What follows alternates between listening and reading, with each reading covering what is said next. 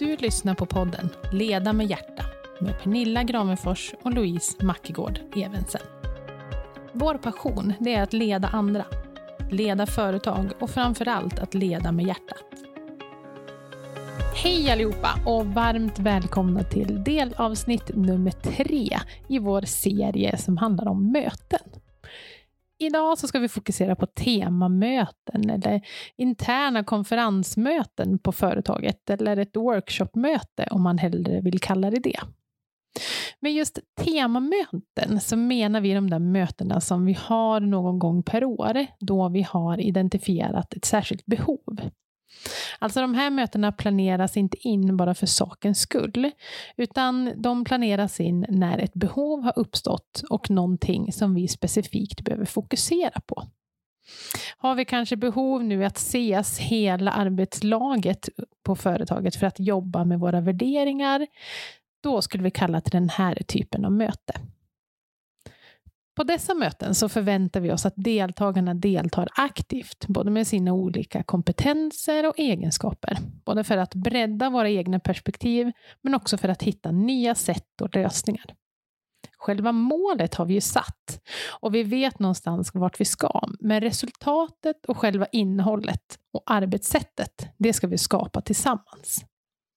Vi som är mötesledare, vi blir nästan som en facilitator här för vårt eget team och det är vi som ska leda processen, men det är själva gänget som ska göra jobbet. I vårt första avsnitt i den här delserien så pratade vi om en lång 14-punktslista på hur man förbereder möten. I just det här avsnittet så kommer vi upprepa några av dem, men här så är det specifikt fokus på hur vi kan lägga upp just ett temamöte eller ett workshopmöte. Pernilla, hur skulle du lägga upp ett sånt här möte, skulle du säga? Vad skulle du börja med? Jag skulle börja med att identifiera behovet.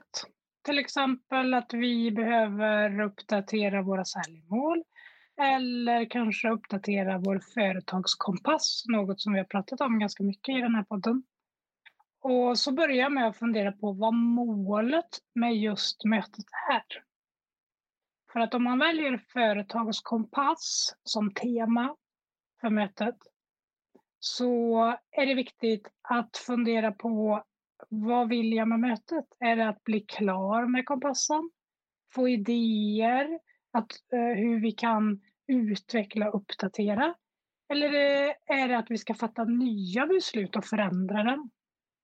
Eh, och självklart så bollar jag det här med utvalda personer så att man är överens om behovet.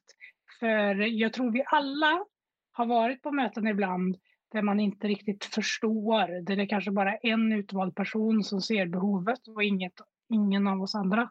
Så, så det tycker jag är det första steget och eh, det viktigaste steget. Mm, för det är ju verkligen så att de här mötena kan ju också bli en kostsam historia, om man säger så, om man inte har koll på vad, vad vi faktiskt vill uppnå med det här, eftersom de här typen av möten så är det oftast många personer som man samlar. Det är inte bara det mm. närmaste laget, utan det senaste möte som du och jag hade tillsammans i den här kalibern, då var vi ju nästan 50 personer. Så att mm. Superviktigt. Okej, okay, sen så brukar du också prata någonting om att bryta ner slutmål. Ja, det är när den första delen är klart. Att eh, vi i det här fallet ska jobba med vår företagskompass. Så bryter jag ner slutmålet, att om vi ska uppdatera den. Och om eh, i, i det här fallet så kan vi ta, använda det som exempel. Då hade jag satt först som nummer ett, nuläge. Hur ser kompassen ut idag? Vad är bra? Vad är dåligt? Hur fungerar den i vardagen? Och fungerar den som beslutsverktyg så som den faktiskt ska? Eh, nummer två kan då vara önskat läge. Hur skulle vi vilja eh, att kompassen eh, används i vår verksamhet? Vad saknas för att den ska vara riktigt skarp eh, när vi ska fatta beslut? Eh, finns det några hinder på vägen? är nummer tre. Och hur tar vi oss förbi de här hindren. Och sista delen där då, summering för att enas om förslag på ändringar av kompassen. Så det här är alltså ett och samma slutmål som, som jag sedan har delat upp i delmoment under mötet för att verkligen ha potential att nå slutmålet i det här fallet. Mm. Alltså nuläge, ett önskat läge, vad finns det för hinder och sen summera och enas om förslag på ändringar. Um, du brukar ju också vara väldigt noga med vilka som ska vara med på vilka möten och det här blir ju särskilt viktigt i ett sånt här stort möte. Vad skulle du ha för preferenser när du väljer ut vilka personer som är med? Då är det viktigt att man tänker till. Vad är det för förmågor som krävs just i det här mötet? Och jag skulle säga att ska man uppdatera sin kompass så behöver man dels ha kreativa personer med på mötet. Man behöver också ha med personer som verkligen använder sig av kompassen i sin vardag. Så man vet att man har någon person som har testat och kan komma med konkreta exempel på när den är bra och när den är mindre bra. Och sen också andra viktiga personer som man behöver för att fatta det här slutgiltiga beslutet eh, kring eh, kompassen. Men skulle du säga att man kan hamna i en situation där det blir känsligt att vissa blir utvalda och vissa inte? Ja, det kan man. Och jag tycker inte att man ska vara rädd för det, för att eh, alla kan inte vara med på allt. Det är min inställning till det här. Det gäller dock att man har en översyn. Det är viktigt att varje större möte man kallar till inte alltid kallar samma personer. Eh, så om man över tid bara involverar olika delar av organisationen så tycker jag det är okej okay att alla inte är med på allt. Mm. Okej, okay. och därefter då så brukar du prata om att du väljer ut vilken mötesmodell du vill ha. Vad menar du med det? Jo, jag menar att för att mötet inte ska bli så statiskt och för att man ska få variation och tempoväxlingar under själva mötet så gäller det att välja olika metoder och verktyg som i vissa delar så jobbar man i en liten grupp, i vissa delar jobbar man i en stor grupp och ibland i plenum. Ibland eh, står man upp, sitter ner. Ja, det finns olika alternativ helt enkelt för de olika punkterna. Eh, och sen så tycker jag man också ska bestämma sig för om mötet ska vara inomhus, utomhus, stilla eller i rörelse. Och vi kommer ju i ett senare avsnitt prata om just utomhusmöte, så det kommer jag inte prata om så mycket här. Men det är ett ämne i sig. Mm. Sen så är ju vi lite grann upptagna av den här punkten med hur man startar ett möte. Eh, kan du ge något exempel på hur du skulle kicka igång liksom 50 personer, nu ska vi uppdatera vår företagskompass. Vad skulle du göra för att hela teamet skulle få en bra energikick i början? Det vet jag att du vet och det skulle vara att kasta mig rakt in i en händelse ja. och berätta en historia. I love eh, it! För det är alltid eh, mitt val, i all, nästan alltid mitt val på den här typen av möten där man vill ha mycket energi och man vill ha allas fokus. Då brukar jag fånga alla med att kasta mig rakt in i en händelse, beskriva den i detalj och självklart ska händelsen vara kopplad till det man ska prata om. Men det behöver inte vara en händelse eh, hämtat från sin egen organisation utan det kan vara någonting som har hänt utanför. Men det skulle jag göra. Och eh, det är ett alternativ, men sen kan man också involvera alla i teamet för att få igång energin och det finns massa bra övningar som man kan googla upp lära känna-övningar och så skriver man bara om man är fem personer, tio personer så finns det olika bra förslag hur man kan starta igång mötet. För man kan ju inte köra en sån här incheckning av 40 personer där alla ska sitta och säga sitt namn och eh, vem de är, för då tar ju det nästan hela mötet. Mm. Och det som vi verkligen bara vill poängtera där, det är att gör verkligen research på vilken övning man då ska göra. För att det är saker som kan ta lång tid när man är så pass många. Och välj också då en, en övning eller någonting som är verkligen kopplat till det som man själv vill liksom uppnå under själva mötet så att vi inte fokuserar på att teamet ska lära känna varandra utan det var ju faktiskt kompassen vi skulle fokusera på nu. Så välj den Precis. övning som är relevant för det ni faktiskt ska prata om. Mm, väldigt viktigt. Mm. Sen eh, brukar du också säga att du ska välja eh, avslutning på mötet. Ja, för lika viktigt som starten är, är ju själva avslutningen. Precis som när man läser en bok så är det viktigt att man fångas snabbt i början och att man eh, får med sig någonting när man eh, avslutar boken. Och samma sak är det med ett möte. Så att innan att man har bestämt hur avslutar vi mötet för att få en härlig eller bra, rätt känsla ska jag säga, när man går därifrån. Och eh, beroende på vad det är eh, för möte så eh, så kan man välja då en specifik övning som, som passar till det. Är det ett äh, möte där det är att man vill jobba med teamkänslan till exempel så använder jag mig av en övning som heter 10 000 röda rosor där deltagarna får stå i ring, vända mot varann och så får man ge positiv återkoppling till varandra. Eh, I det här exemplet som jag använt hittills med företagskompass, då skulle jag inte använda en sån övning utan då då skulle jag ha använt en övning där man får reflektera, till exempel runda runt bordet. Eh, nämn en sak eh, som du har fått med, med, med dig från dagens möte, till exempel. Mm. Ehm, du har också en punkt där du tycker att man ska bestämma hur mötet ska sammanfattas. Vad menar du med det? Ja, men jag tycker det är så skönt. eh, att bestämma innan hur man ska sammanfatta, om det ska skrivas ner eller om det ska filmas och vem som ska göra det.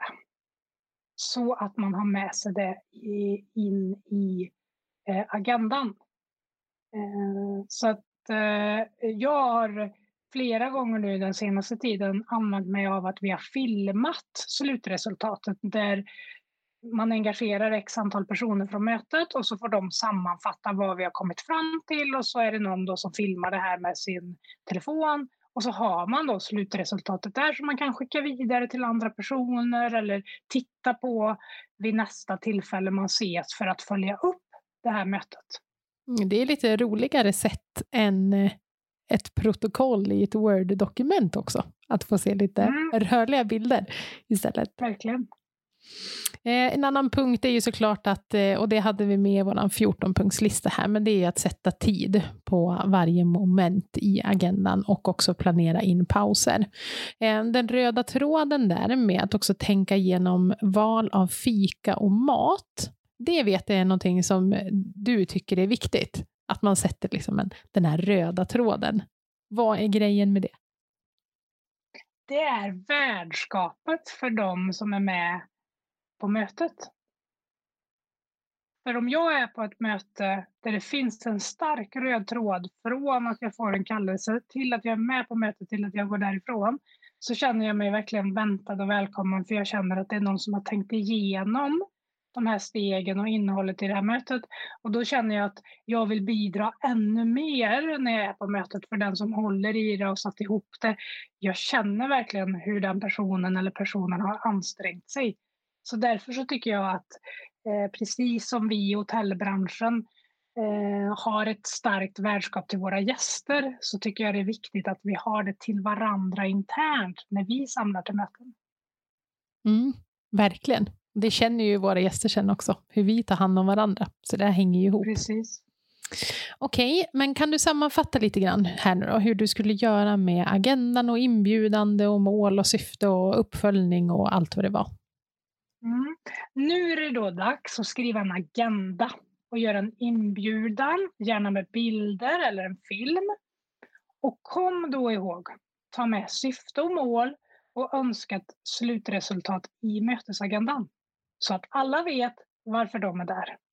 Och i inbjudan så är det också bra att skriva ner när mötet kommer följas upp i framtiden så att alla ser att det här verkligen kommer leda till handling.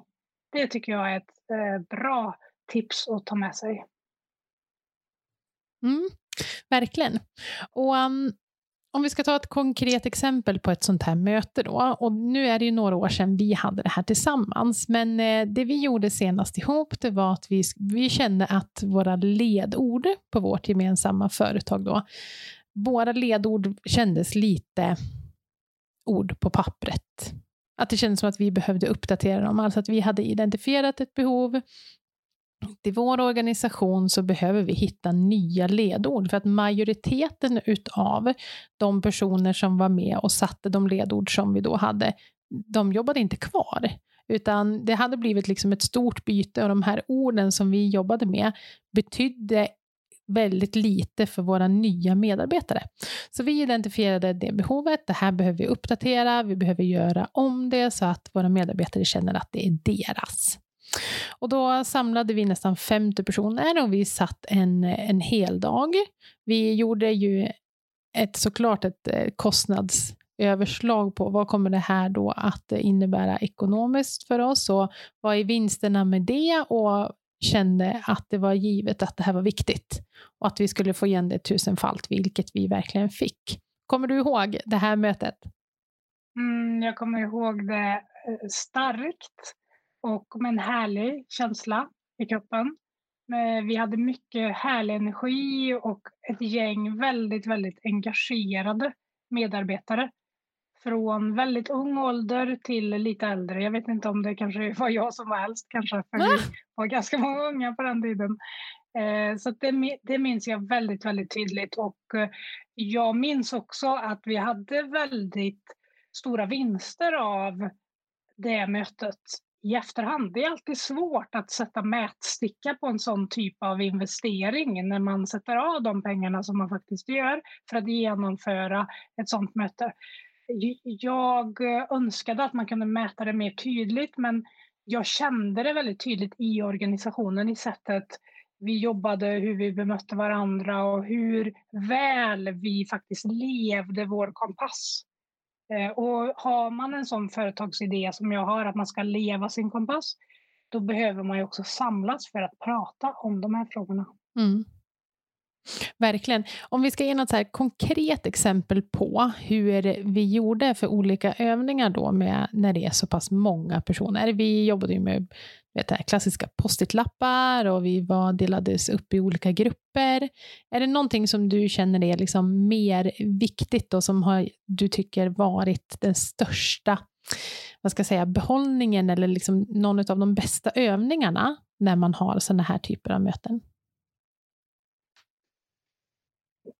En sak jag kommer på är att jag tycker att man ska låta deltagare ibland jobba två och två för att utvärdera eller jobba med en punkt. Eh, och sen eh, bryta upp eh, och sen jobba, låta dem jobba individuellt. Så i det här fallet så vet jag att vi, vi lät dem jobba två och två först.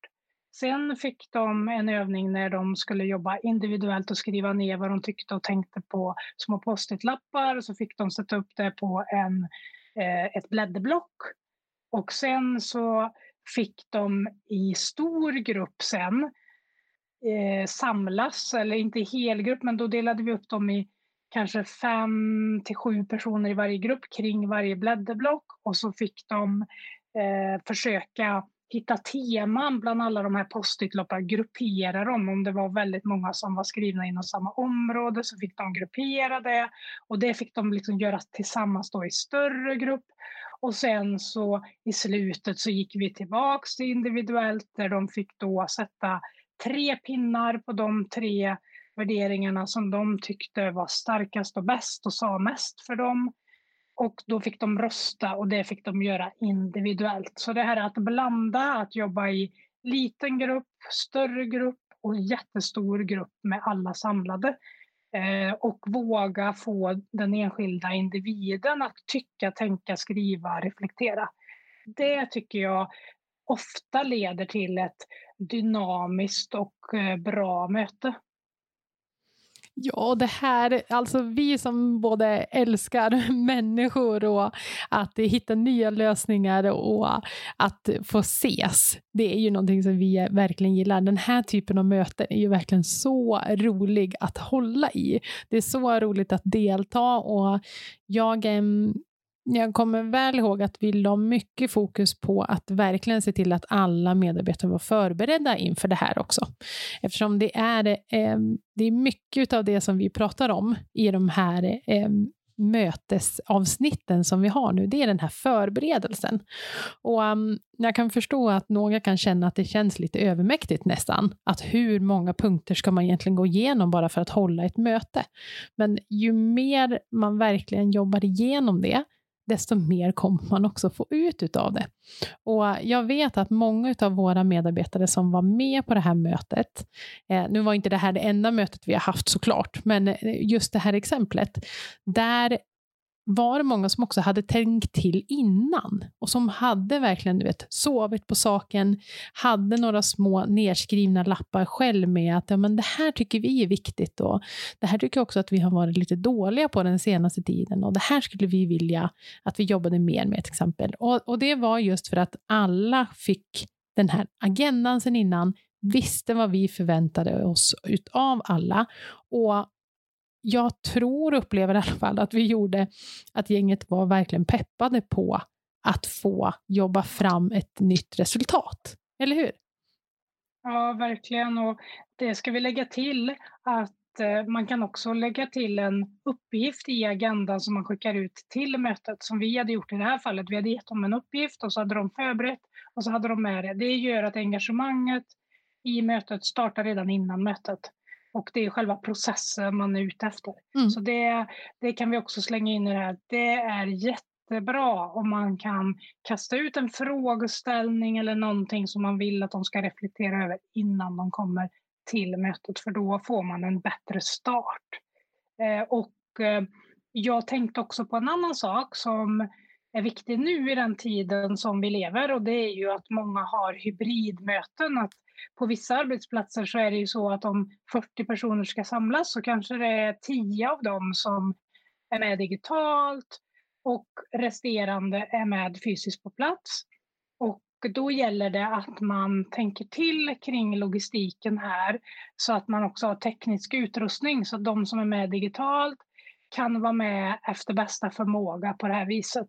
Så en person som är uppkopplad kan ju också vara med i olika grupper till exempel. Eh, och då gäller det ju att tänka till ytterligare så att det blir logiskt då att de får, hur gör man när de är med i en medelstor grupp i den stora gruppen och när de jobbar individuellt, då är det enkelt. Men om de ska vara med i en grupp av sju till exempel vid ett blädderblock, hur väljer man att lägga upp det tekniskt så att det funkar för de personerna? Så tänk till där, förbered det så att de känner sig lika delaktiga och att man har eh, förberett för att de ska få vara med. De är lika välkomna fast de är uppkopplade digitalt. Det tror jag blir allt mer viktigt faktiskt. Mm, och verkligen som du säger, just blandningen utav att några kommer att fortsätta vara digitalt och några kommer ses och hur gör man då det ihop? Mm. Är det några slutord du skulle vilja ge på det här härliga avsnittet om just temamöten eller interna konferensmöten, workshopmöten, vad vi nu vill kalla det? Ja, jag skulle säga att ha den här typen av möten mer sällan, men mer förberett. Så lägg mer tid på förberedelser av ett sånt här möte så att alla deltagare verkligen känner sig väntade, välkomna och att värdskapet känns väldigt starkt, då kommer ni få ut så mycket mer. Och känner ni att det är svårt att hinna det, så ha då hellre färre sådana här möten eh, och förbered dem väl. Hinner du inte det, så hoppa mötet. Det är mitt tips. Perfekta slutord, Pernilla. Tack snälla för att ni har lyssnat. Och nästa avsnitt kommer att handla om aktiva möten, hur vi tar med oss de här olika mötena utomhus. Hej då!